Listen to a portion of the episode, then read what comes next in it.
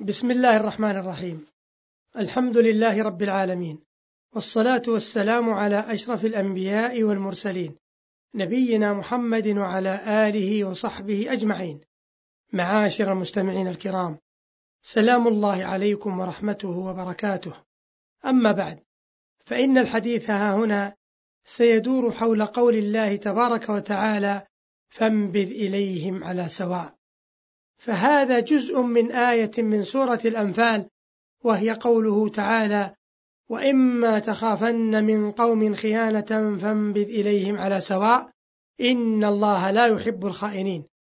وهذه الآية تشتمل على حكم المعاملة لمن تلوح منهم بوارق الغدر بحيث يبدو من أعمالهم ما يدل على خيانتهم من غير تصريح منهم بذلك. وقول الله تبارك وتعالى فانبذ إليهم على سواء أي اردد عليهم عهدهم ردا واضحا علنا مكشوفا حتى يستوي علمك وعلمهم بذلك ولا يحل لك أن تغدرهم أو تسعى في شيء مما منعه موجب العهد حتى تخبرهم بذلك. هذا هو معنى الآية كما يقول المفسرون.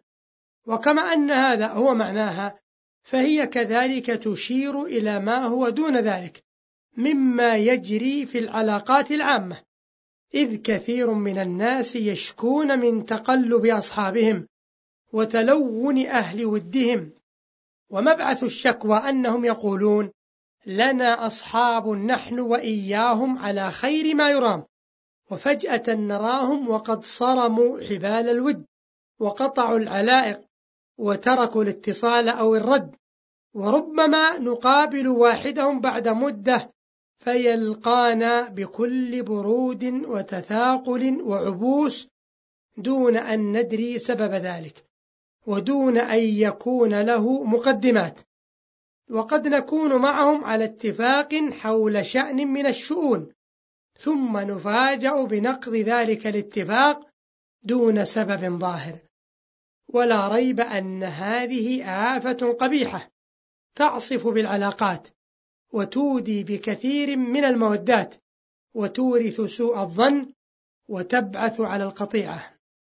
فيحسن بالعاقل اللبيب الذي يحترم نفسه ويرعى حق من يخالطه أو يصادقه أن يضع هذا الأمر في حسبانه فلا يقدم على قطع العلاقة مع أحد دون سبب.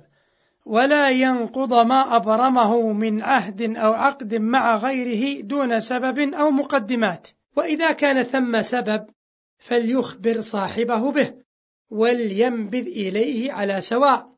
فلعل له عذرا وأنت تلوم. ولعل ما بلغك أو توصلت إليه من نتيجة يكون غير صواب.